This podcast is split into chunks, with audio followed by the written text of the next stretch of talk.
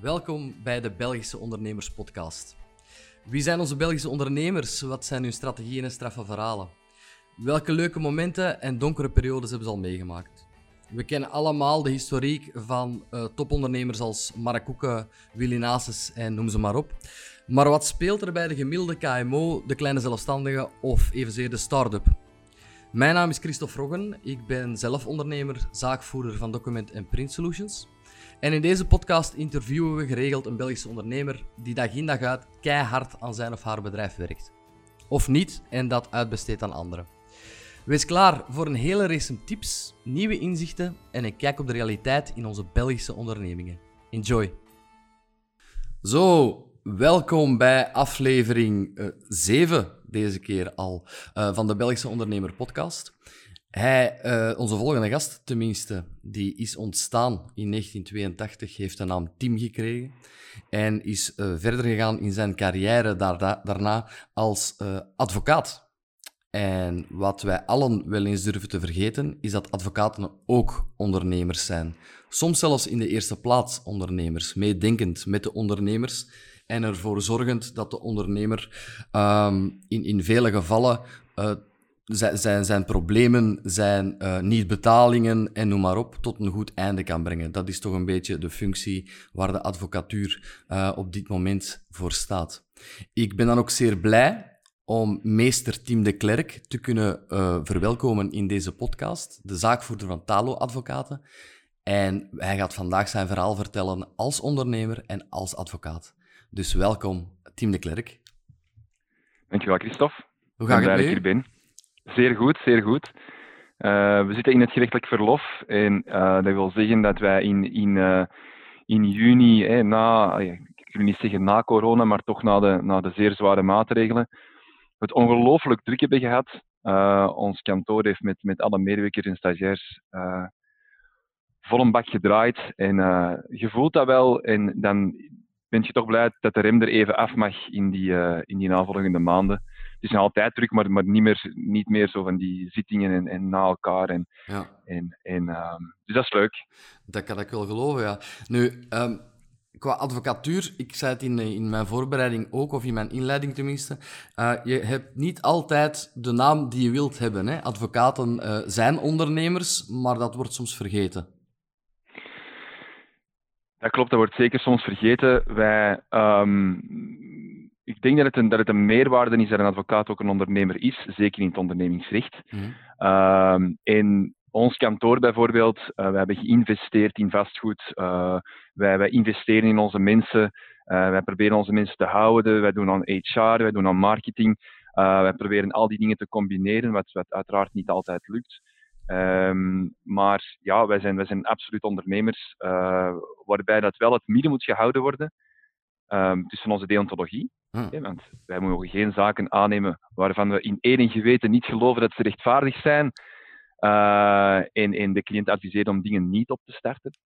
Um, maar voor de meeste advocaten, ik zeg wel voor de meeste, want sommigen die willen graag in kasten vullen uh, met dossiers, maar voor de meeste plichtbewuste advocaten uh, is het beter om een dossier te weigeren en daarna misschien met plezier uh, te helpen in andere aangelegenheden, contracten of dergelijke meer, om verdere conflicten te voorkomen in de toekomst. Oké. Okay. Um, ehm, ja, ik ging die ja. deontologie eens opzoeken uh, als voorbereiding van ons gesprek. Ik dacht, toen zijn in slaap gevallen. Wel, uh, ik moet zeggen dat ik lang niet zo'n goede nachtrust meer gehad heb. Ik, ik wou eraan beginnen en dat is een, een, een codex deontologie, 120 ja. pagina's. Ja, kan je dat samenvatten in een paar zinnen of is dat onmogelijk? Ik zal beginnen met het, met het belangrijkste eigenlijk van onze, van onze belangrijke uh, assets is uh, als advocaat. Um, wij hebben een strafrechtelijk beschermd beroepsgeheim. Uh -huh. Dus um, wanneer advocaten tegen elkaar spreken uh, in onderhandelingen, uh, in briefwisseling, er zijn uitzonderingen, dan blijft dat strikt geheim. En dan kan je onderhandelen zonder dat er daar bepaalde toegevingen worden gedaan. Want als je begint te onderhandelen met een partij, waar altijd de beste oplossing is beter dan een proces, hè, en je gaat aan tafel zitten en, en je bespreekt een aantal punten, dan wil je niet dat, dat, dat je positie verzwakt mhm. in, in een, uh, nog in een onderhandeling naar, naar contracten toe, uh, nog wanneer er een conflict situatie ontstaat. En daar mag en kan en zal die, die informatie die daar wordt uitgewisseld nooit worden gebruikt. En dat is deontologisch zo en dat is strafrechtelijk zo. En voor het overige moeten wij ja, elkaar respecteren. Hè. Uh, wij moeten antwoorden op brieven. Uh, wij mogen elkaar niet verrassen. als je weet dat er een advocaat optreedt, moet je die mensen verwittigen als je iets gaat doen, behalve bij beslag. Dus als er bepaalde, er zijn altijd uitzonderingen op, maar normaal gezien als je zegt van kijk, confrater, hè, zeg je dan, er is, een, uh, er is een conflict tussen onze cliënten en ik heb het wel gehad met die onderhandelingen. Ik ga nu een procedure opstarten. Dan moet je die mensen verwittigen. Ah, Zodat je ook weet dat hij naar de rechtbank moet gaan. er zijn talloze regels, maar dat zijn zo, zo de, de, de, belangrijkste. Ga fatsoenlijk met elkaar om, wat soms ook niet lukt. Want daarom heb je uh, bepaalde organen die al die conflicten behandelen tussen advocaten onderling. Ja. Um, maar dat is wel de essentie. Oké. En hoe gebeurt het dan nadien aan een toog? Wordt daarover doorgepraat? Want ik kan mij voorstellen dat er off the record ook wel... Ik weet ook niet of je dat mag vertellen, natuurlijk, maar het zal wel gebeuren. Um, ja, dat gebeurt. En... Um, Blijft die codex dan behouden? Uh, nee. Um, allee, um, er, kan, er kan off the record veel gezegd worden en, en er is dan tussen confraters onderling en zit je niet meer, dan zit je niet meer aan het optreden als advocaat van je, van je cliënt op dat moment en is de zaak soms afgelopen en daar kun je het dan wel eens over hebben. Ja. Um, maar over het algemeen... Allee, het is zo, in een dossier gaat je heel hard op bepaalde momenten. En soms zelfs grof. Uh, vooral dan naar de cliënt toe. Ik speel raar of zelden de man. Ja. Um, vooral dan naar de cliënt toe. En als het dan is afgelopen, dan moet je eigenlijk een koffie kunnen gaan drinken. Want als je dat niet kunt, dan um, ga je een probleem hebben voor, voor je verderzitting. Want als je altijd boos op die persoon blijft, die, die bepaalt juridisch een aantal troeven uit zijn, uit zijn uh, allez, een aantal kaarten heeft bovengetoverd die, die, die goed zijn en dat je hem dan blijft verwijten, dan gaat het moeilijk blijven samenwerken. Dus dat, is, ja, dat, is het professionalisme. Um, en soms na de zitting, ik heb mezelf nog een paar keer gemerkt, dat ik dan echt zo, oké, okay, dat ik dan heel even hier op de moment en dan neemt je afscheid en dan is het eigenlijk bij ons het paleis, uh, het, het uh, justitiepaleis aan, aan, de, aan de ring in, uh, in Antwerpen. Um, meestal zijn de zittingszalen boven. Mm -hmm. En dan wandelt je naar beneden en heb je beneden de koffieruimte.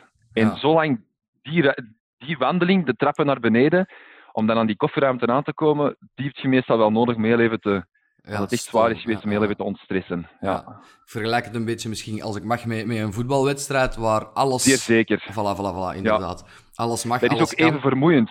Dat is ook soms even vermoeiend. Als je echt een, een pleidooi hebt op scherp van de snee, het gaat over veel geld en inzet is groot. Ja. En, en, en rechter die vragen stelt tegen partij die u af en toe eens onderbreekt, wat deontologisch niet zou mogen, maar kijk, het gebeurt, ja. uh, dan, dan heb je echt een voetbalmatch gespeeld. En dan komt er na een uur of na, na soms twee uur buiten en dan is het voor mij die dag ook afgelopen. Ja. Uh, die, die pleidooi dat is ook niet elke week, dat is één keer om de, die serieuze dan één keer om de twee, drie maanden. En dan, uh, dan, dan, het enige dat ik dan nog doe, is met mijn medewerkers lastigvallen op een bureau, want dan komt er uit mezelf niet veel, niet veel meer uit. Oké. Ja, misschien nog wel een domme vraag, maar is daar ook een systeem zoals gele en rode kaarten? Niet letterlijk, maar met waarschuwingen en nu ga je te ver, uh, je mag vertrekken. Is dat zo? Uh, ik heb al wel gehad dat ehm, in mijn stagejaren een oudere uh, confrater, een, een, dame zal ik ze noemen. Um, en die onderbrak mij constant. En die riep ook een hele tijd. Uh, mensen die mij kennen gaan niet perfect weten over wie dat ik het heb. Ze, het is een dame die heel veel roept. um, en heel veel onderbreekt. Dan gaan mijn confraters 9 eh, van de 10 weten over om wie het gaat. Al een ouder iemand. En die is door, de, door het van beroep toen echt gezegd van je gaat, je gaat nu zwijgen. Hmm die heeft toen ook gezwegen. Ik weet eigenlijk niet wat er gebeurt als, als, die, uh, als dat niet het geval zou zijn. Okay. Um, dan denk je dat het, ja, ik heb dat nog niet gehad. Ja. Dat er iemand moest verwijderd worden uit een zittingszaal. Um, nee, het kan wel soms zijn dat um, wanneer het deontologisch een fout wordt begaan en bijvoorbeeld stukken worden bijgebracht in een bundel.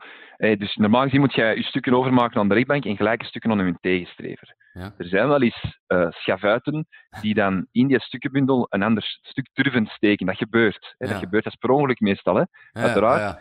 Maar, maar ehm, als het dan wordt vastgesteld op de zitting, is dat een incident. Dat kan een incident zijn. En dat wil zeggen dat je ehm, eigenlijk de verplaatsing maakt opnieuw eh, naar, die, eh, naar die koffieruimte, maar daarachter zit de stafhouder.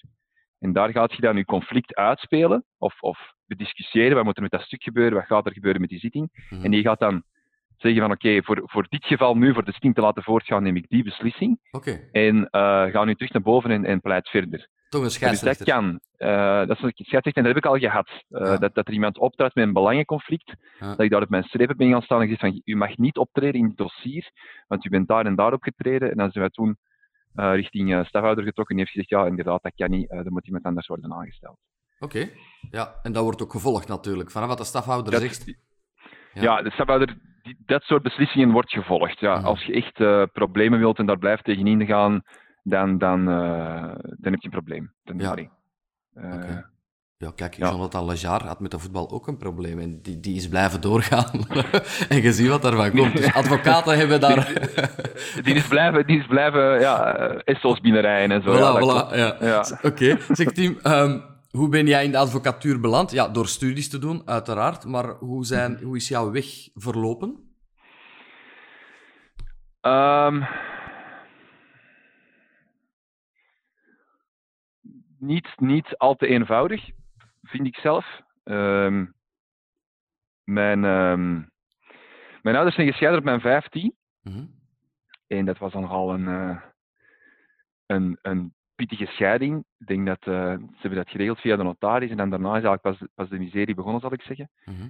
Ehm, en dat heeft wel wat, ja, wat moeite gekost om, om te blijven concentreren. En dat heeft overheen de jaren blijven, door, eh, blijven doorgaan. En dat was een beetje geslingerd van links naar rechts. Ehm, bij, eens bij mijn moeder, eens bij vader. Ik ga, los, eh, ik, ik ga niet, hier niet nu zeggen wie dat daar eh, de schuld nee, van is. maar dat was, dat, was niet, dat was niet eenvoudig. Ja.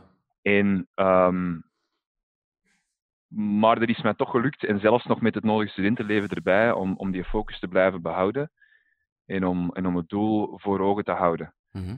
Ehm, daar is één jaar van afgevallen. ehm, in mijn eh, tweede licentie, denk ik dat dat was. Dus mijn voorlaatste jaar, dan dacht ik dat het wel allemaal oké was. Ja. En dan was er iets meer, heb ik iets meer gewerkt in de weekends dan anders. eh, iets meer geprofiteerd. Ik wou het gewoon nog graag een jaartje verlengen. Ja. Eh, en, en wat stu- studentenvereniging gedoe gedaan. En dat was, dat was leuk, dat was, dat was leerrijk voor met, met mensen omgaan. En nu nog, de confraters die ik er nu nog van zie, begroet je nog altijd met genoegen. En daar heb Mhm. ik eh, zeker geen spijt van. Ja. En dan advocatuur was na een aantal stages een, een redelijk eh, evidente keuze voor mij. En, en dat is altijd zo gebleven. Ik heb daar geen, eh, nog geen seconde aan getwijfeld.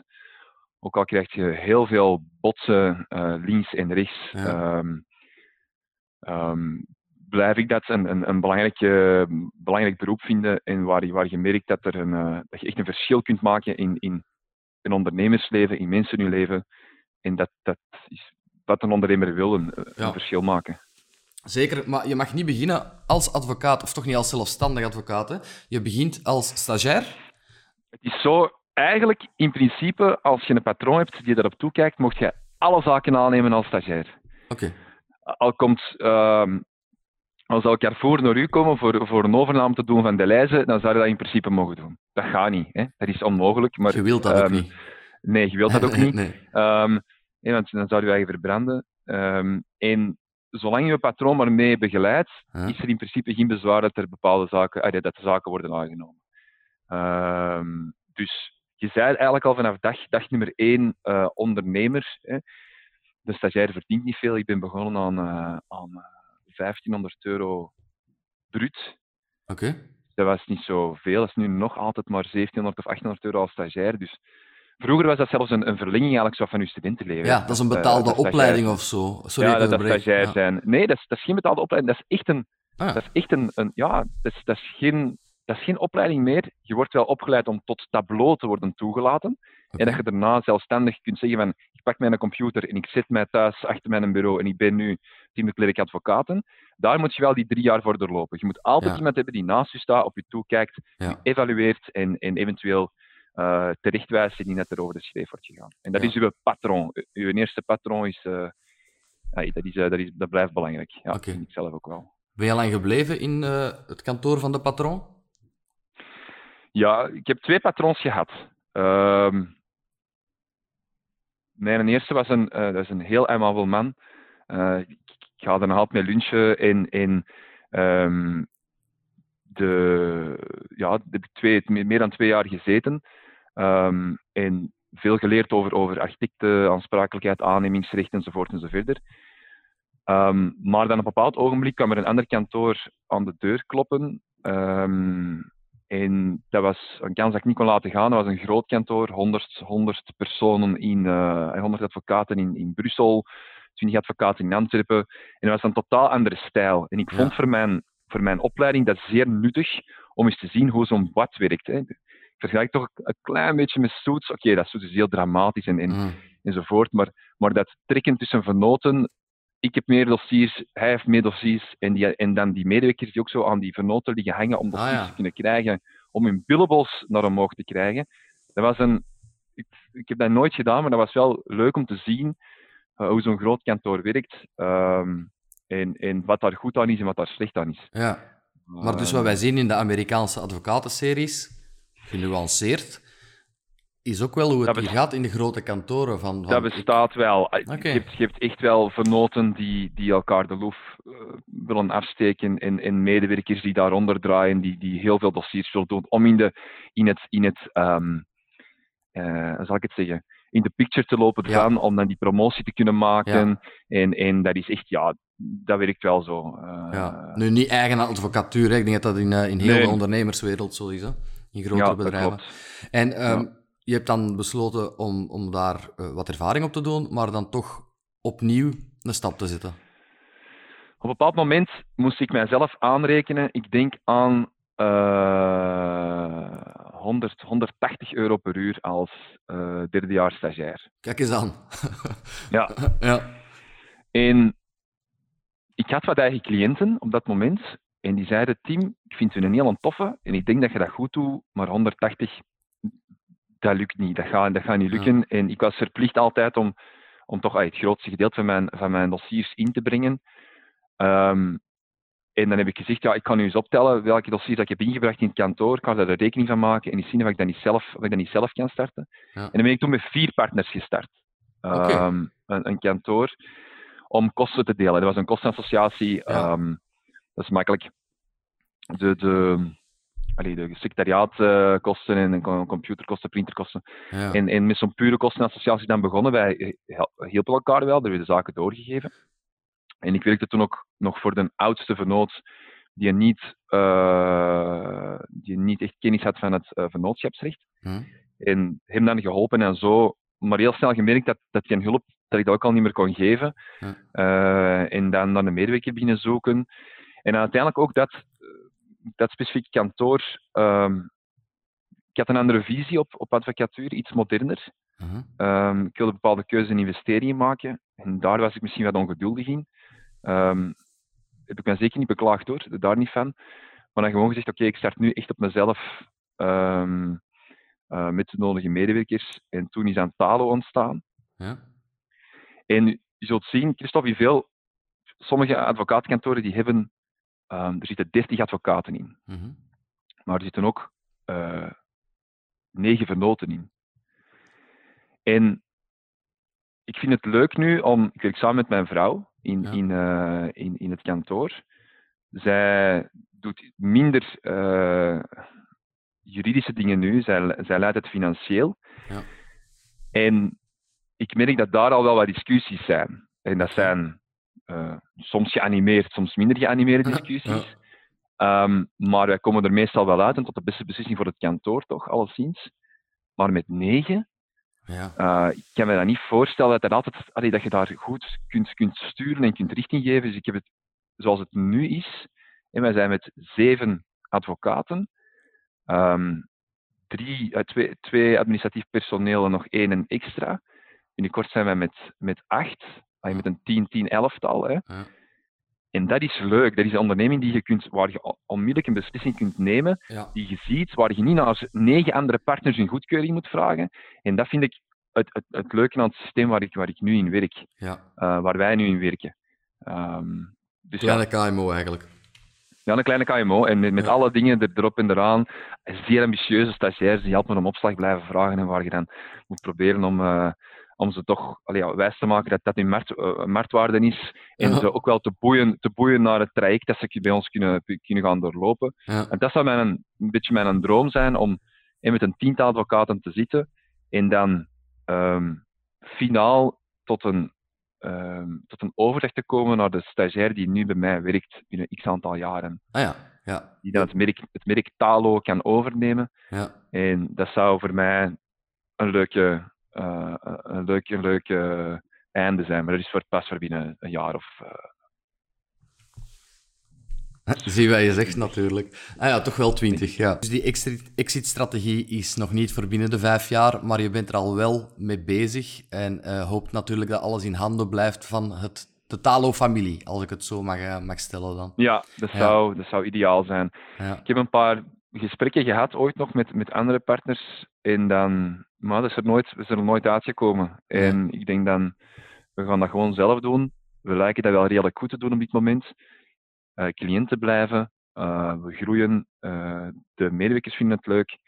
Dus laten we gewoon zo gestaag verder doen en zien we dat. We willen, we willen geen bad worden van, van 30, 30 advocaten, maar een tiental met de juiste dossiers, met de juiste cliënten, dat is de ambitie. Ja. Een vraag die ik daarover heb. Ehm, in mijn opzoekwerk vond ik het wel nuttig om eens te kijken hoeveel advocaten er in België zijn. Dat zijn er veel. Dat zijn er... Uh, ik denk dat het, was een studie van 2018 en dan waren het er een, een, een 10.000 of meer. Uh, het kwam erop neer dat er per 771, ik kan me nu een aantal cijfers vergissen, mensen, 771 mensen, is er een advocaat. Dat wil zeggen, als ik op de meier loop en ik gooi mijn steen, dan is de kans wel bestaan dat ik een van jullie raak. Dat is niet de bedoeling. De vraag is, hoe komen mensen terecht bij talo-advocaten en waarom komen ze terecht bij eenders wie qua advocatuur? Uh, is dat pure marketing? Is dat mond-aan-mond? Hoe maken jullie het verschil en, en, en waarom komen mensen bij jullie terecht? Um, vroeger, er is trouwens altijd een misvatting dat, dat advocaten geen reclame mogen maken. Dat is zeker niet waar. Uh, wij mogen niet actief cliënten opzoeken, maar advocaten mogen wel de degelijk reclame maken. Maar vroeger werd dat een beetje als... Um, reclame als zeer stiefmoederlijk behandeld. Dat was uh -huh. bijna not done als advocaat om daar echt eh, reclame te gaan maken. En je rekende op het mond-aan-mond, de mond-aan-mond reclame, reputatie was belangrijk. Ay, reputatie is altijd belangrijk, uiteraard, maar daar werd vooral op, op gefocust. Nu, dus dat is zeer veranderd. Waar het, waar het nu op gefocust wordt, is content, is effectief marketing, is uh, gratis dingen ter beschikking stellen, whitepapers. Okay. Uh, dat zijn dingen waar ik absoluut in geloof. Uh, waar wij mee bezig zijn. We zijn een tool aan het ontwikkelen in dat opzicht, um, IT-technisch, um, waar nog wel wat werk in zit en, en, en waar ik naast mijn, naast het gezin met drie kinderen, de zaak en misschien ook nog wat vrije tijd ook probeer tijd in te steken ja. In de ontwikkeling van dat programma. Maar er is een, dat zijn verschillende kanalen. Ja. zowel netwerking als mond-aan-mond, -mond, als marketing, website. Eh, Google, eh, noem maar op. Eh, puur ondernemen. Het is gewoon, kijk eens aan, het is gewoon puur ondernemen. Ja, Dus dat is wat jullie nu ook doen, puur ondernemen, naast het feit dat je nog eens advocaat mag zijn. Ja. ja. En, en om advocaat te kunnen zijn, moeten jullie marketing, reclame, ondernemen, netwerken? Ja.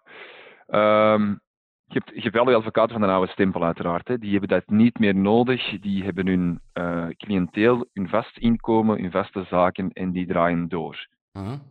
niet, niet van gek zijn, maar hè, ja, ja. um, en en um, die, hebben dat, ja, die, die gaan daar niet meer in mee. Dat is trouwens ook een van de redenen uh, in dat eerste kantoor waar ik in zat, van, met die, vier andere, of die drie andere vernoten. Daar zat een, een oudere man bij die zei: Ja, kijk die investering, ik heb daar geen zin in, want voor mij hoeft dat niet. Ik heb ja. mijn cliënteel, ja. ik draai rustig door, ik verdien mijn kost en klaar ermee. Ja. Ik snap dat wel, met respect ervoor. Um, Dus alle kanalen moeten gebruikt worden om tot een cliënteel te komen. Ja. En over die, het aantal advocaten, ja, ehm, ik moet zeggen, alle geledingen van de samenleving zitten in ons beroep. Mhm. Eh, van de marginaal tot, tot, de, eh, tot de, de, de, de Porsche-advocaat, tot Ja. de ja, advocaten met problemen allerhande. En, en eh, er, zijn, er zijn er veel die nog zelfs nog op tableau staan en niet meer actief zijn. Ah, Ehm, dus ja, eh, Ja. er is concurrentie, maar als je, ik heb gemerkt als je, als je goed je best doet en, en het heel plichtsbewust doet en je kennis bijschaft, heb je altijd werk te veel. Is er altijd werk te veel. Advocaten die geen werk hebben, dat is een probleem. Dat, dat Ja. kan bijna niet. ja. Ehm, dat is mijn persoonlijke mening. Er is nog altijd werk, eh, er is altijd job genoeg eh, voor zelfs die 2000 die in Antwerpen zitten. Ik denk dat dat ondertussen al 2004 of 2005 in de provincie Antwerpen zijn. ja. Dus ehm, En, en waarom komen ze tot bij jullie? Wat is jullie ehm, specialisatie? Ondernemingsrecht en vastgoed.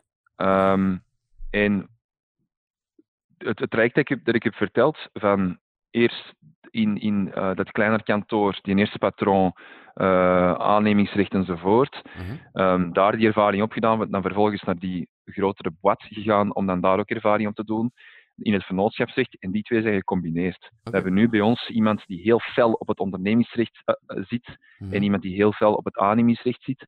En daar hebben wij onze medewerkers op aangenomen in die specialisaties om daar in die twee takken door te groeien. Ehm, en dat gaat goed. Ja, wilde verhalen? Leuk. Ik kan mij voorstellen dat je wel wat tegenkomt. Je hebt natuurlijk beroepsgeheim, dat weet ik. Ehm, maar in de marge zijn er toch wel eens zaken die, je die je meemaakt, vermoed ik, die eh, bespreekbaar zijn niet. Als het niet zo is, Tim, dan mag het... Allee, fijn. Het is maar de, vraag Ehm, natuurlijk. die- ik ga eerst beginnen met het feit dat die generatie gaat eruit. Waar ik, het verhaal dat ik nu ga vertellen. Oké.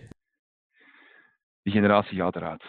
Ehm, er waren heel veel rechters vroeger politiek eh, benoemd. Nu is dat met een examen en een mondelinge proef in eh, IQ-testen enzovoort.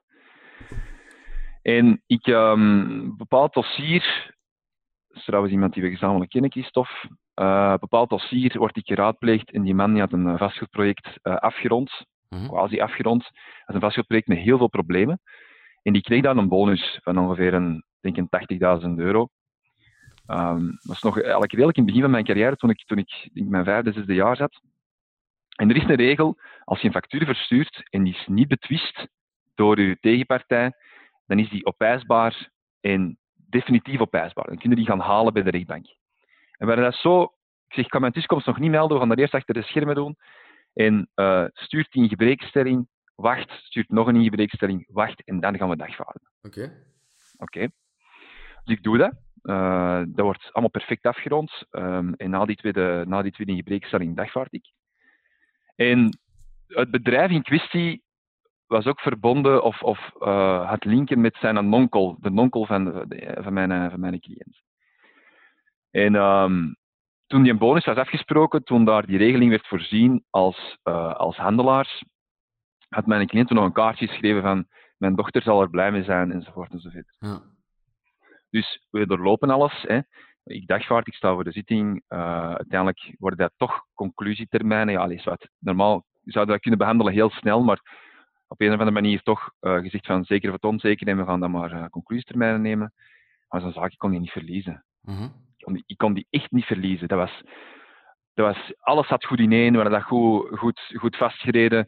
En ehm, we gaan dat pleiten en ik vraag de cliënt mee. Ik doe dat altijd. Ik Mhm. vind dat belangrijk, dat de cliënt ziet ehm, voor wat hij betaald heeft. Ja. Ja, als je een auto koopt, dan, eh, dan ga je er ook in zitten en doe een proefrit. Met een advocaat is dat soms heel moeilijk Ja. om te zien hoe, hoe hij de zaken regelt. En, en dus ik pak die mee naar de zitting. En we worden daar vanaf begin af eh, slecht behandeld. Eh, die rechter komt te laat Mhm. en die, die begint te pleiten en zegt aan meester de Klerk, u moet wel op uw tijd passen. Er was drie kwartier voorzien Ja. en die was zelf een kwartier te laat.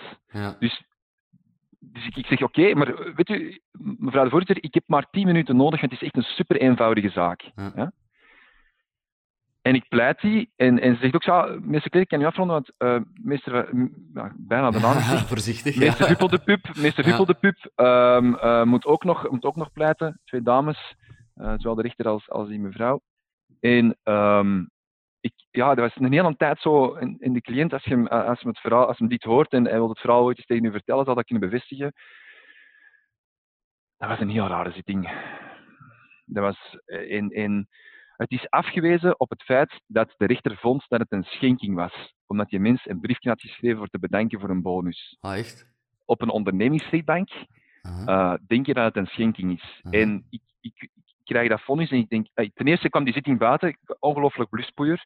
Ik moest erna gaan eten met, met, met een vriend van mij, een notaris. Ja. En, en ik, kon niet, ik, kon niet, ik kon niet eten. Dat was zo onfair wat daar gebeurd was. Uh -huh. Kan dat niet. Als, als, dit, als dit mijn job is voor de volgende 20 jaar, dan stop ik ermee. Ja. Um, en, en uiteindelijk hebben wij direct een beroep aangetekend, met de snelheid van het licht. En die zaak is niet voorgekomen. Die confrater heeft dat geregeld. En hoe, hoe, hoe komt dat? Dus die, die heeft dat direct geregeld. We hebben, daar, we hebben een klein toegifte gedaan naar schadebrengen en interesse. En die Ja, heeft strikt geregeld. Ja. Ik zeg, allee, ik zeg, oké, pff, dat is heel raar. Allee, de cliënt was semi blij, want hey, wat zat dan wel met dat verlies? Ja. Uh, ik zeg, je, je, je zegt dat we dat niet konden verliezen, hoe, hoe kan dat nu? En uh, ik ga met jezelfde patroon eten, die eerste, die uh, zijn ervaring geeft aan de balie, zeer veel mensen kent, ook in de politiek. En uh, ik vertel dat verhaal. En dat is zo. Hè, we hebben nog iets speciaals meegemaakt. Dus ja, ik heb hier iets voor gehad. Die zitting, uh, welke rechter is dat? Nou, dat is rechter. Rechter ja, opnieuw gepulde pip zou ik zeggen. Hè. en ah, maar die is op pensioen, hè. Dat, was, dat waren die laatste maanden. Oh, Oké. Okay. Wie, was de, wie was de confrater? Ja, confrater die vanuit, vanuit dat, dat Noord-Antwerpse dorp. Um, ah, zegt hij. Maar die zitten samen in de paardenclub. Och. Dus en het bestaat wel. Hebben samen, hebben samen VLD-signatuur. Ja. En ik denk dat hij nog een, dat hij een plezier wou doen op het ja. einde van haar carrière aan, haar, uh, aan ja. die confraters. En dat bestaat nog. Het bestaat, maar het ik heb gemerkt, en ja. daarin kan ik wel geruststellen, van alle dossiers van de honderden pleidooien die ondertussen al gepasseerd zijn, -huh. klein, groot, um, merk ik wel dat, dat en vooral, allee, het is normaal dat ze je kennen, hè? dus op een bepaald moment gaat op een kamer een bepaalde reputatie krijgen, ja. en soms heb je er al 1-0 voor. Hè? Maar dat is normaal. Dat, dat, dat, het, kunt de lijnen trekken met een voetbal, een, een faire speler die nooit heel vuil tackelt. Als de, de scheidsrechter kent, die denkt, ja, dat is die speler, die gaan, die gaan niet makkelijk geel of rood krijgen. Ja, klopt. Um, maar, maar dat gaat maar zo ver. Hè. Je kunt dat, als, als je zaak niks is, kun je die er nooit Nee, nee, natuurlijk. Um, maar in de nieuwe generatie heeft het niet, maar het heeft echt wel degelijk bestaan. En, ja. en ik ben blij dat het er nu uit is, dat dat ons kent ons minder en minder wordt, dat je plichtbewuste rechters hebt. En ja. uh, daar ben ik blij om, dat merk ik zeer hard. Ja. ja. heel frustrerend kan dat zijn natuurlijk. En je blijft mensen. Hè? Allee, iemand heeft altijd een boontje voor iemand anders na x aantal mm -hmm. keren verschijnen. Dus, maar zo uh, flagrant denken dat je ja. niet kan verliezen en eigenlijk kon je gewoon niet winnen. Nee, alles had goed. En, en, en allee, alle geluk dat daar zo weinig argumenten aan waren. Ik, ik weet nog, ik heb dat gezegd er eigenlijk aan het pleiten was. Ik, zie, ik sta precies in een snoepjeswinkel en, en ik mag zoveel snoepjes kiezen als ik wil, want ik weet niet welk argument dat ik eerst moet gaan gebruiken. Ja. En dan, ja, dat was uh, zowel de zitting zelf als daarna, als, als, en dan dat onmiddellijk toegeven in graad van hoger, in graad van hoger beroep. Dat was een, een vieze ervaring ja. en die ik gelukkig niet meer heb gehad sindsdien. Oké. Okay. Ja, gelukkig, inderdaad. Gelukkig. Nu, um, dat ging over een betwisting van factuur, of niet betwist, maar factuur was te betalen. Ik Mhm. mm -hmm. vermoed dat het... Uh, we zitten in de periode van COVID. We zien heel Mhm. veel ondernemingen spartelen.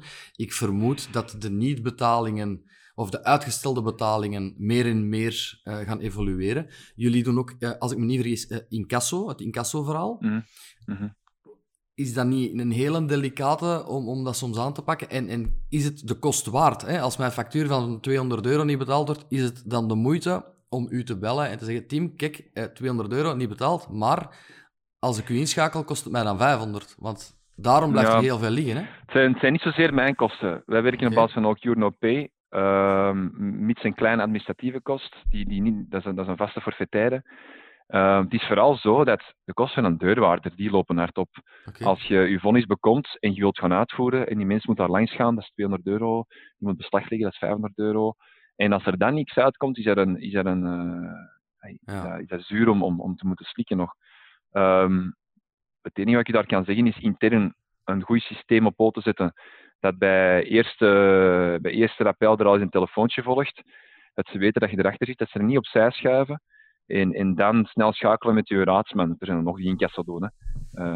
En, en snel schakelen en zorg dat hij het ook goed opvolgt. En dan kom je tot het beste resultaat. En af en toe zal daar eens een. Uh, uh, je systeem moet goed zitten. En dan blijft er soms, soms blijft er beperkt, blijft er beperkt aantal over. En dan moeten we een advocaat het gewoon goed, goed verder afmaken. Dat is de bedoeling. Ja, dus als ondernemer kort opzitten en als je echt geen gevolg krijgt, onmiddellijk de raadsman ja, goeie, algemene voorwaarden, maar uh, um, uw, uw secretariaat goede opdracht te geven, misschien automatische systemen ontwikkelen, uh, dat er direct rappels worden verstuurd. Um, en dan na, na rappel 2 zou ik zeggen, direct uh, doorsturen naar een advocaat die dan ook onmiddellijk een brief stuurt. En dan kom je tot resultaten. die dan meestal overblijven. Oh, er uh, moeten misschien zelfs beslag overwegen uh, ah, om, om, om zekerheid te hebben. Ja. Daarop verdergaande, ook faillissementen zitten er weer aan te komen. Ik eh, las op jullie website dat jullie ook dat traject begeleiden. Het is niet de meest positieve podcast antwoorden eigenlijk, sorry nee. daarvoor. Maar het is voor ondernemingen wel belangrijk. Of, of ik bijvoorbeeld, ik zou niet weten hoe dat verloopt, zo'n zo'n faillissement. Wij, wij, zitten, wij doen zowel de, de geboorte als het, uh, de palliatieve van een onderneming. Dat is mooi. Um, en en um, ja, er is, een, er is een systeem het is ingewikkelder geworden door, door het feit, je hebt nu een digitale aangifte dat je kunt doen, maar ik vind het eigenlijk moeilijker geworden. En dat is gewoon, doe dat op tijd, steek je kop niet in het zand. Um, zorg ervoor dat wanneer het misgaat, dat je niet probeert een, een nieuwe put te maken om daar een, uh, een, een oude mee, mee, te delven. Dat is echt niet de bedoeling. Ja. Je gaat jezelf verbranden als zaakvoerder. Het feit dat het misgaat met je onderneming is geen schande. Zeker nu niet. Hè. Uh, in, in, in, deze, in deze tijden is het, is het, normaal, ah, is het normaal dat je, dat je leert met vallen en opstaan. En, maar dat gaat er de volgende 20 jaar hier nog niet uitgaan hoor. In, in Amerika en, gaan mensen, ik ga niet zeggen om de maar er gebeurt wel is dat je een, dat je een foute, foute beslissing maakt. Wie niks doet, kan niks verkeerd doen. Ondernemen is risico nemen en dat kan. Um, maar zorg er dan vooral voor dat je niet dat je niet blijft, blijft zwalpen. Want dan kan je je eigen uh, ondernemingszin letterlijk laten fnaken door de rechtbank, door je een, een bepaald verbod op te leggen, ja. of dat je strafrechtelijk vervolgd wordt door het feit dat je te laat je boeken neerlegt. Okay. Dus spring op tijd of, of, of, uh, ja, of, of, neem op tijd die maatregelen. Dat is wat uh, de, de, boekhouder Steven de Korte twee afleveringen geleden ook zei: van het is geen schande. Het, het kan gebeuren. Falen en daaruit leren en verder gaan. Maar hoe verloopt zo'n traject juist, Tim? Bel ik u en zeg ik van kijk, uh, het stopt voor mij, vrees ik, mm -hmm. ik moet mijn boeken neerleggen. Mm -hmm. Wat gebeurt ja. er dan achterliggend? Ik vraag om alle de, de, de meest recente boekhouding te geven meestal ook al een probleem. Want uh, als het dan echt, uh, als het echt een, een, een, als het water aan de lippen staat, is meestal een boekhouder en niet betaald. Yes. Ja. En, uh, maar dat is toch een belangrijke, want de, de curator gaat daar naar kijken. ik kijk een aantal dingen na, onder meer volstorting kapitaal en uw rekening courant. als daar een probleem is, verwittig ik de, de ondernemer van kijk, de curator gaat die rekening courant komen halen en uw volstorting kapitaal komen halen. Dus hou daar rekening mee. Ja. Uh, kunnen we nog iets doen dat je vergeten zij of, of uh, vergeten zij in te boeken of, of wat dan ook? Uh, samen met een boekhouder dan. Uiteraard allemaal zoals, zoals het hoort. Hè. Um, en dan worden die boeken afgegeven. de beslissing wordt genomen formeel binnen de vennootschap. Wij dienen alles in bij rechtsel. Er komt een zitting voor. Um, die, je wordt failliet verklaard. Vervolgens wordt er een curator aangesteld. Die komt naar u persoonlijk. Die komt naar uw verhaal luisteren. Okay. die kijkt naar de recente, recente boekhouding. Um, je gaat alle activa die er nog zijn verzilveren. Um, moet je ook voor zorgen, uiteraard, dat je niet actief en nog verkocht hebt voor een prijs die onder de markt ligt enzovoort enzovoort. In het recht en in het leven is het zo, meestal als het te mooi is om waar te zijn, is het ook effectief te mooi om waar te zijn. Ja, Dat je, je denkt van nog een paar dingen op je beeld te kunnen slagen, om het zo maar te zeggen. Dat is niet, uh, dat is niet de bedoeling. En dan gaat de curator zeer op, op, op toekijken. En dan uh, kun je eigenlijk nu quasi onmiddellijk uh, kwijtschelding van je schulden vragen. Dus zelfs als persoonlijke uh, als persoonlijk faillissement kun je onmiddellijk kwijtschelding van je schulden vragen en kun je verder. Ja. Dat gaat een smet blijven op je blazoen bij ja. de banken. Maar ik heb wel gemerkt dat uh, als je onderneming vervolgens terug, terug twee, drie jaar draait, staan ze terug aan je deur, ja. de bank. Om te zien wanneer je kapitaal niet nodig hebt hè, en je draait Altijd, goed, staat de bank er terug om je een lening te geven. En dan zijn dat terug vertrokken. Ja. Het is niet simpel, maar, maar um, en een faillissement dat duurt een jaar ongeveer. Okay. Uh, tot, tot, tot uh, van de indiening tot, uh, tot het einde. En ja, dat is even um, een donk, meer donkere periode, maar het licht zal uiteraard schijnen. Ja, aan het einde van de tunnel. Ja, je zegt van, van je kan de schulden laten kwijtschelden, per direct zelfs. Maar Mhm. daarachter zitten leveranciers die natuurlijk, als die een paar faillissementen te verwerken krijgen van anderen, ja, dat blijft een domino-effect op die manier, hè? Ja, dat klopt. Dat klopt. Um, goh, dat, is, dat is moeilijk. Ja, ik kan alleen maar zeggen dat dat juist is. Ja, um, dank u, Tim. Dank u. Dan, dan ben ik toch mee met het verhaal. ja. Tim, um, andere boeg, man. Want we gaan, we gaan te negatief in de donkere krochten van, van het uh, ondernemerschap. Probleem. Hoe ziet uw dag eruit? Gemiddeld. Vandaag? Nee, nee, nee. Want je zit aan de zee, Ah. dat telt niet. Met een dag. Uh, oh, ja, dat is uh, zoals wij allemaal kinderen afzetten aan school. Ik kom dan op kantoor, check de agenda, uh, kijk alle brieven na die mijn medewerkers hebben klaargelegd ter, ter nalezing. Want wij hebben, we werken op basis van het Four Eyes-principe. Dat alles okay. mijn, mijn handen moet passeren. Besprekingen met de medewerkers, denk ik het eerste uur, anderhalf uur. Dan probeer ik tot de middag uh, me te concentreren op de eigen dossiers die ik uh, lopende heb. in zover dat er geen zittingen zijn, uh, besprekingen, onderhandelingen. Het is eigenlijk zeer gevarieerd. Elke dag is bijna anders en dat maakt het uh, boeiend. Yes. Ik heb nu aanstaande maandag nog een, uh, terug een bemiddeling, bemiddelingszitting, een bemiddelingspoging, waar ik trouwens zeer fan van ben in het huidige klimaat. Dus een bemiddelaar wordt aangesteld, mijn zevende bemiddeling ondertussen al. Okay. Bemiddelaar wordt aangesteld en die gaat dan tussen partijen niet als rechter oordelen, uh, ook niet ja, arbitrage of wat dan ook. Die gaat gewoon proberen om partijen te verzoenen. Ja.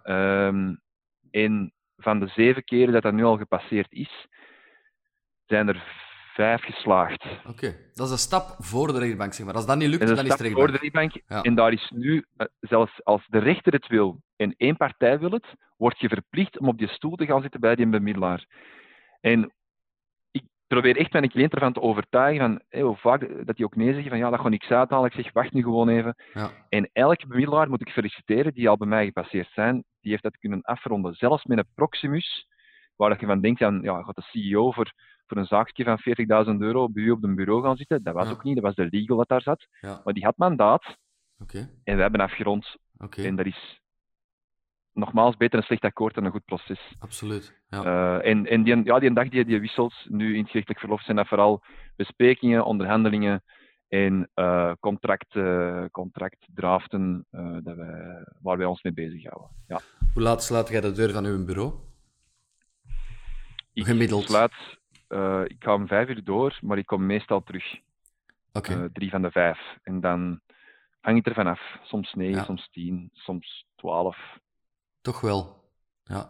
ja, ik vraag het omdat jullie, en dat is ook al een paar keer gebeurd in de podcast, jullie werken samen, hè? uw vrouw en jij zijn samen eh, zaakvoerder van Talo Advocaten.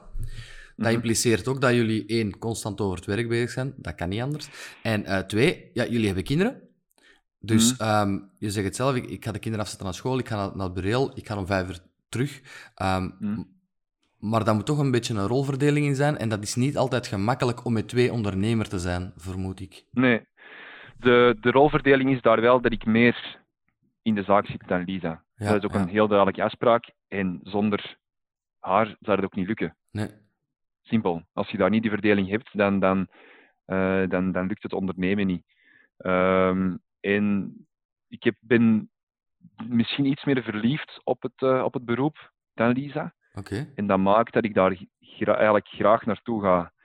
Um, graag mee naar het dossier vastbijt en, en die, voor die oplossing streef van die cliënt. En dat, um, ja, zij doet het, het, het, het, het zaken, meer zakelijke achter de schermen en dat is een, uh, dat is een goede verdeling. Ja, want zij is ook ehm, advocaat, hè? maar ze heeft ervoor gekozen om meer het zakelijke... Dat klopt toch, hè? Zij heeft er echt voor gekozen. Ja, ja, ja. Ze was dat wel beu op een bepaald moment met dat constante conflict dat wij hebben. Okay. Je hebt zelfs in een onderhandeling voor een contract met een tegenpartij is er altijd een conflictpositie. Hè? Bepaalde punten waar je over moet discussiëren. Ja. En, en in, in, in procedures, in, uh, um, ten aanzien van de rechtbank, ten aanzien van uw confraters, conflictueus. En ze was dat wat beu. Die, uh, Lisa heeft... heeft um, soms is de oplossing zo heel duidelijk in een dossier, dat je denkt van, in godsnaam, waarom neemt hij dat akkoord niet? Ja. Dan denk ik, ja, die mens, soms ja, bepaalde advocaten doen dat nu eenmaal. Uh, die wil geen akkoord sluiten omdat hij zijn kast wil vullen ja. en, zijn, en, zijn, ja. en zijn eerloon wil aanrekenen. En je hebt die niet allemaal. En dat was die beu. Ja, dat snap ik. Dat, dat is ook, ja, dat, ik snap dat ook. Dat is ook, niet, Ja. dat is ook niet echt ondernemen. Hè? Nee. Want jij wilt, je wilt verder. En, en dat is het, uh, het, het trage in ons beroep. Hoe lang dat soms een, een, een procedure duurt. Dat is verschrikkelijk. En ik vind dat mee verschrikkelijk met de cliënt. Mhm. Maar het kan, het kan op dit moment niet anders. Er zijn, uh, het is moeilijk om dat te veranderen. Dat gaat heel traag. We hebben al veel stappen gemaakt in justitie nu qua. qua nee, de facties verdwenen uh, Ja. uit onze. Klopt. zeer, zeer hot item geweest. Ja. eh. en ehm, we hebben digitaal gepleit. Ehm, de rechter die daar heel hard fan van is. Eh, er wordt digitaal worden onze stukken nu neergelegd. Conclusies neergelegd. Dus we beginnen wel stappen te zetten. Ja. Maar het gaat nog altijd traag. En, en ik hoop dat ze blijven, dat, dat de rechtbank en, en de, de organen die daar bevoegd voor zijn, eh, zich blijven eh, vernieuwen. eh, want dat is echt wel nodig. Ja, ja. Ja, het heeft ook heel lang geduurd eer, eer ze eraan begonnen. Hè? Dat is toch iets eh, dat nu Ja, weer dus, versneld is met, eh, met die COVID? Ja, dat is echt een. Ja, elk nadeel op zijn voordeel. hè. Ja. Zo is dat. Ja. Wat doe jij om te ontspannen? Ehm, ik ben aangesloten bij een, een goede doelenorganisatie. Mhm. En dat ontspant mij zeker. Mijn gezin. Ehm, ik zit in vrijwilligers, eh, een handbalclub waar ik wel mijn energie ook in, in, in kwijt kan. Eh, minder dan, dan gewenst. Ehm, ik ga beginnen fietsen als het ware. Ook voor het goede doel trouwens. Ik denk dat eh, Oké. het klonk niet heel ronde. overtuigend. Ja, ik, ik zeg, ik ben pas mee begonnen. Ik kan moeilijk zeggen dat het. eh, ehm, ja, en, en skiën in de, in de vakantie en zoals dit naar de zee gaan met, met kind en gezin is voor mij best wel, best wel eens ontspannend. En af en toe is met de mannen ik stof. Dat gebeurt eens naar de voetbal gaan of zo. Ja, dat vind ja. ik. eh, dat, is Ik een, heb- dat is een dagje vakantie eigenlijk. eh. Ik heb de is verhalen gehoord. Ehm, vertel mij eens meer over die goede doelen. Als ondernemer wil je ook, of ook als mens, inzetten ehm, om het andere beter te doen krijgen? Of wat is een beetje uw, eh, uw insteek daar? Goh, dat is misschien om mijn zieltje te zuiveren als advocaat, wie weet. Ik wou het niet Ehm, zeggen, maar dank u daarvoor. maar vertel gerust. Nee, ehm, wij, eh, er wordt veel ge- gelachen en gezwanst binnen, binnen de ronde tafel waar wij nu in zitten. Maar ik vind het belangrijk om, om ja, een deel daarvan af te geven eh, aan, aan de, minder, eh, de mensen die het minder hebben. Ja. Klinkt heel melig, maar ik, ja, ik voel mij er echt beter door. Om een voorbeeld te geven, een van de goede doelen die wij steunen is, is, ehm, is Pinocchio voor kinderen met, met brandwonden die niet meer normaal op reis kunnen gaan. En daar kunnen wij echt tien kinderen een reis geven die ze normaal niet hebben met de nodige zorgen. En ik, ik, voel, mij daar, eh, ja, ik voel, mij daar, ik voel mij daar gelukkig door. En ik vind dat dat, eh, dat dat echt nodig is en iedereen dat zou moeten doen. Ja, dat is ook fantastisch. Eh, ehm, dat sierde je ja. Ehm, je zit daar... onlangs hoorde ik het verhaal, ik ben niet zeker, was dat bij jullie met de ronde tafel van het eh, Paula Kinderziekenhuis? Dat ook Ja. daar jullie eh, speciale baksters hadden voorzien om het de Ja. kindjes wat aangenamer te maken? Van Loek dan? Dat is een, dat is een eh, samenwerking met Studio 100, ehm, waar wij, je hebt normaal gezien een infuus, dat dan een, zakje, dat is een, dat is een, een zoutoplossing, en daar Ja. hebben wij een, een soort van een bakje voor gemaakt. Ehm, bijvoorbeeld met Megamin, hier staat op, ik, ik geef je Megamin die kracht. Ja, super. En, en dat is psychologisch voor de kinderen heel belangrijk Ja. ehm, om, om zich beter te voelen. En het is, het is bewezen, studies van Harvard tonen dat aan, dat als je gelukkig bent en positief bent in je genezing, dat je het sneller geneest. Dat creëert bepaalde dingen, endorfines of whatever. Ja, ja, ja. Het zorgt ervoor dat je, dat je, uh, dat je lichaam, wanneer iemand zegt dat gelooft er niet meer in, en het zal snel gedaan zijn, dat is gewoon zo. En als je er wel in gelooft, ja, dan vinden wij het fantastisch om elk kind daar een hart onder de riem te steken. En dat heeft etterlijke ja, weken gekost voordat dat project erdoor was um, om gekeurd te worden. Um, um, de juiste, de juiste ontwerp van Studio 100, de toestemming te krijgen van Studio 100 en ja. maar We zijn er altijd mee bezig trouwens. Uh, maar dat begint, uh, dat begint te draaien. Ja, en dat is heel oh, leuk. Fantastisch. Geef mij gerust uh, straks na de podcast de site door of eh, gegevens waar ze de andere ondernemers en luisteraars u op kunnen bereiken daarvoor. Want ik denk mm -hmm. dat daar wel meerdere mensen in geïnteresseerd zijn om daar aan bij te dragen. Het is een heel mooi initiatief. Ik vind het, ik vind het echt respect daarvoor. Ah, yes. ja. dat, is, uh, dat is heel lief, dank u. Heel tof. Dat is lief van u, Tim. Dat is lief van u. Zeg, um, ondernemers die vandaag zouden starten, want die luisteren ook. Hè? Ik uh, mm -hmm. heb vernomen dat er een aantal studenten, sales, marketing, ondernemerschap uh, regelmatig naar de podcast, podcast luisteren om ook wat tips mee te krijgen. Wat zou jij die jonge gasten en vrouwen aanraden om als eerste stappen te zetten? En wat zijn de tips die jij voor hen hebt? Hangt heel erg van, heel erg van de sector af. Hè. Absoluut. Ja, laat, u, laat, laat u begeleiden. Um, um, investeer, allee, voorzie genoeg om, om te kunnen starten. Start niet te snel. Um, um, en en laat, u, laat, u goed, laat u goed ombrengen. Ik denk niet dat je het zelf allemaal wel kunt, want dat is niet het geval. Nee. Je kunt een bepaald product heel goed kennen en daarin geloven. Uh, maar, maar ga langs. Uh, er zijn genoeg advocaten die, die weten dat beginnende ondernemers zijn, die zelfs gewoon gesprekken toelaten, dat je kunt pingpongen. Uh, en dan als je succes hebt, kijk goed, we zien u de volgende keer wel terug als je, als je meer diepgaandere algemene voorwaarden of contracten wilt laten schrijven. Ja. Um, dus eh, geen, geen bang voor hebben om, om, daar, om daar langs te gaan. Ik zie dat zeker niet als freeloader. Ik vind het zelfs interessant om, om die, uh, jonge ondernemers te spreken en, en daar, uh, en daar van gedachten te wisselen. Dat moet geen drie uur aan een stuk zijn natuurlijk. Nee, nee, nee. Als die zeer gerichte vragen hebben, dan alsjeblieft stel die. Um, pas op voor um, te snel groeien. Um, ik zie heel veel, en dat is blijkbaar typisch aan de aannemerij bijvoorbeeld, heel veel aannemers die projecten aannemen alsof dat ja, niks kost en dan personeel aannemen, daar niet goed mee omgaan niet de HR-opleiding hebben en vervolgens gigantisch in de RSZ-schulden duiken. Okay. Um, dat is iets waar ik in de ondernemerswereld, uh, in de uh, aannemingswereld, wees daar absoluut voorzichtig in om goed uw financieel plan uit te werken met uw accountant en dat goed um, in het oog te houden. En daar echt minutieus op toe te kijken. Want als je te snel wil groeien, kan je heel snel vallen. Ja. En dat is vooral een tip die ik wil, uh, die ik wil geven. Um, de ja. tips, dat was een hele nuttige tip trouwens. Um, wat ik meer hoor bijna in elke podcast is: laat u omringen. Nu, mm. ik heb nog nooit het perfecte voorbeeld gehoord van door wie. Als ik nu zeg, voor een startende ondernemer, ga praten met een accountant, een raadsman, nog iemand? Vergeet ik iemand? De bank? En dat zullen de drie pijlers zijn waar je mee start mm. om u te laten omringen? Of zijn er nog mm -hmm. Notaris kan, maar, maar dat wordt meestal wel opgevangen door een, uh, door een advocaat. Misschien een consultant, maar daar hangt er allemaal wat vanaf waar je, waar, ja, je mee wilt beginnen. Ja, maar nee, dat, zijn, dat is eigenlijk wel juist wat je zegt. De accountant, kies een accountant die niet, eh, kies geen boekhouder. Kies misschien iemand die al wat ervaring heeft in, in consultancy. Okay. Um, kun je perfect zien aan hun LinkedIn-profielen. Uh, wanneer ze bij KPMG business analyst zijn geweest of, of, of uh, ervaringen in bepaalde, in bepaalde sectoren, ga daar dan bij voorkeur langs dan bij, bij strikte, uh, strikte accountancy.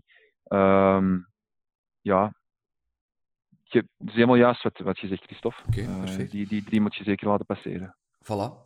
beste luisteraar, Noteer het. Ik heb hier op mijn voorbereidend schrijven dat jij hebt ingevuld, Tim, met een aantal woorden. Dat zijn altijd maar een paar, een paar uh, keywords. Hier staat ja. honeymoon. En ik ben benieuwd naar het verhaal van de honeymoon, want ik, ik ja. eigenlijk heb ik geen idee wat je nu gaat vertellen, maar ik ben echt benieuwd. Dat is een gênant momentje, hè. Ah, perfect, perfect. Vertel. Dus, dus hey, jong, ehm, eigen zaak gestart. Uh, niet veel tijd. We gingen op honeymoon gaan, vier dagen uh, naar Londen. Het was maar zeer, zeer kort. Uh, want net ook zes, zes maanden oude kleine rakker erbij. Ah, ja. En um, um, ik durf nogal eens verstrooid zijn. En mijn personeel weet dat. En ik pak ook mijn personeel aan om dat te ondervangen. Uh, ja, dat is zo. je, moet je, je moet je mindere kwaliteiten laten opvangen door, door, door ja. de, de mensen waar je mee samenwerkt. Ja. En dat werkt. Uh, en um, dus ja, kijk, romantisch. En uh, het moest toch niet altijd werk zijn, enzovoort enzovoort. En we komen, Lisa had daar trouwjurk bij, want we gingen op een boot. Um, Um, nog eens, nog eens in, in, zowel ik in mijn, in mijn, uh, in mijn uh, smoking uh, als Lisa in haar trouwjurk, gingen wij varen over de Thames en dat was een chiquer, chiquer gebeuren. Oh, dat zou fantastisch zijn. En um, die avond zelf hadden we ook al een, een, een boeking om, ik denk om 11 uur in een heel chic restaurant in Londen. De naam ontglipt mij nu. het is in McDonald's. Uh, ja, zoiets. Met de kroontjes op. Ja. Hè. Uh, hey, een, heel, een heel chic Chinees restaurant. Um, zo zit ook een discotheek bij. is echt heel hip met muziek. Ja. Geen idee. Um, anyway. Dus alles was uh, redelijk strak geregeld. En ik kom aan op de, op de, bij een trein en ik was mijn uiteraard paspoort vergeten. Wauw. En daar ging dan de, het huwelijk. De honeymoon. en, maar dan ben ik erin geslaagd om uh, mij erdoor te lullen zonder met mijn attest van verlies tot aan de trein. En ik, ik, ik was binnen. Ik had het gehaald. Uh, en dan is uh, een goede vriend van mij, ook confrater, die heeft op een vrijdagavond is die vertrokken in, in Antwerpen. Die heeft een sleutel gevraagd aan, onze kuisvrouw. En die is vertrokken in zeven haasten. Ik kan hem met naam en toenaam noemen, Valère Verreken. En die is, ik, denk, weet niet hoeveel boetes het mee heeft gehad. En, en, ze hebben die toegelaten op het perron, dus ze wisten ervan. Ja, de security wow. heeft die toegelaten via binnenwegen op het perron en die heeft mij het paspoort gegeven en de deuren gingen dicht en we waren vertrokken. Maar echt? Dus, uh, tot op echt, de seconde? Tot op de seconde is dat gelukt.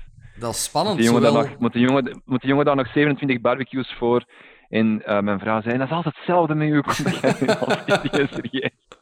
Heel ja. onze huwelijksdag enzovoort. En, en, en huilen. En, en daardoor ook lieten ze ons erdoor. Maar ja, kijk, dat kon niet gebeuren helemaal. Maar we kunnen wel stellen dat meester Verreken uw huwelijk gered heeft op dat moment. Ja, zoiets. dat is inderdaad een zeer gênant verhaal, Tim. maar wel leuk om, uh, om als anekdote te kunnen vertellen. Uh, als je zelf terug naar 2007 mag gaan, waar je uh, advocaat, als advocaat gestart bent, welke tip zou je jezelf geven? Wat zou je veranderen ten opzichte van hoe je het traject nu beleefd hebt? En, en het is uh, niet vrijblijvend. Het is positief of negatief, maar je moet jezelf een tip geven van dat moment.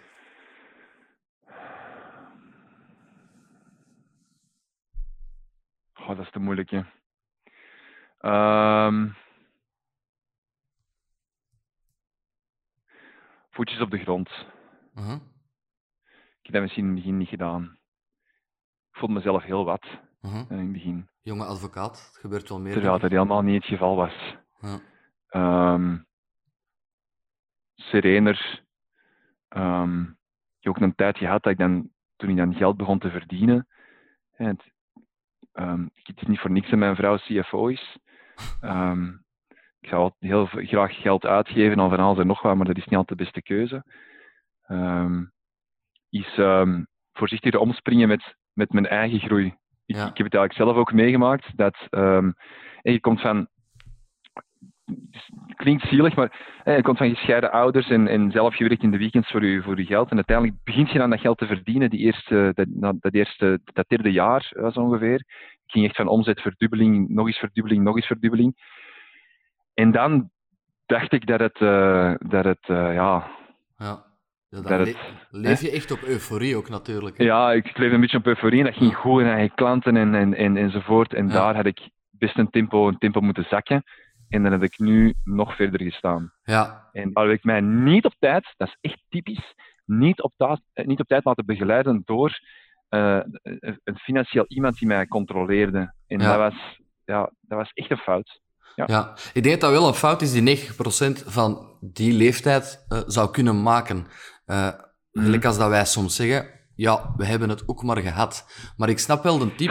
ja, dat is waar, hè. Maar ik snap wel de tip van, van pak het serener aan en je staat nu verder. Uh, als je op je 18 had beginnen, begonnen, waard tenminste, met beleggingen, dan had je nu ook veel meer aan je beleggingen gehad dan wanneer je vijf jaar geleden ja. startte. Dus oké, uiteraard. Ja. Um, maar dat is een hele goede tip um, voor de startende ook. Laat u onmiddellijk financieel begeleiden. Leef, uiteraard, leef goed. Um, maar hou heel veel opzij voor, uh, voor de toekomst en voor de investeringen. Ja, mm. oké. Okay. Ja. Dankjewel. Heb jij nog zaken die je graag ten berde brengt, waarvan je denkt, dat is wel interessant om nog mee te geven? Misschien een zaak die volledig uit de hand gelopen is? Zeg maar. Ik wil... Ik ben er eigenlijk een, een klein beetje een, ook een missie van aan het maken. Um, procederen is niet cool. ja, weet, ik weet wat een titel van de podcast uh, Oké. Dat is verschrikkelijk. Um, ik merk wat, wat, voor een impact dat heeft op mensen om, um, hey, vooral aan familiebedrijven bijvoorbeeld, waar ik nu veel mee te maken heb, uh, discussies mee uh, tussen, tussen, over aandelen, tussen broer en zus, tussen vader en zoon, um, noem maar op. Dan ligt zo'n belasting op de persoon. Ja. En alsjeblieft, ga, ga niet, of zoek niet naar de advocaat die een haai is. Uh-huh. En die roept op een vergadering. Zoek naar de advocaat die weet, die perfect weet waar hij staat, die weet tot waar je kunt gaan en um, die dan afgewogen een beslissing neemt. Het feit dat een advocaat zegt we moeten dit regelen, wil niet zeggen dat hij vindt dat hij zwak staat of dat hij geen zelfvertrouwen heeft. Want ik heb mensen al zien bibberen op een zitting, zien huilen op een zitting. Um, dat is een extreem geval, oké. Maar dat, dat houdt u van het ondernemen af. Doe dat niet. Maak goede contracten. Um, en als er dan een discussie komt, um, zorg ervoor dat het ja, bemiddeld wordt of onderhandeld wordt. Ga niet te diep in je onderhandeling. En als het dan moet, zal ik, zullen wij er heel graag staan om u daarvoor de rechtbank te verdedigen. Um, maar denk niet dat, uh, wees niet stoer, zoals vroeger op de speelplaats van, uh, ik, zal eens, uh, ik zal eens gaan procederen, want dat, dat helpt je niet als ondernemer. Nee, dat is echt de last resort, procederen. Ja. ja. Oké, merci Tim voor de waardevolle bijdrage aan deze podcast. Ik ga even afscheid nemen van de luisteraar en de kijker en ik kom dadelijk bij je terug. Dank u.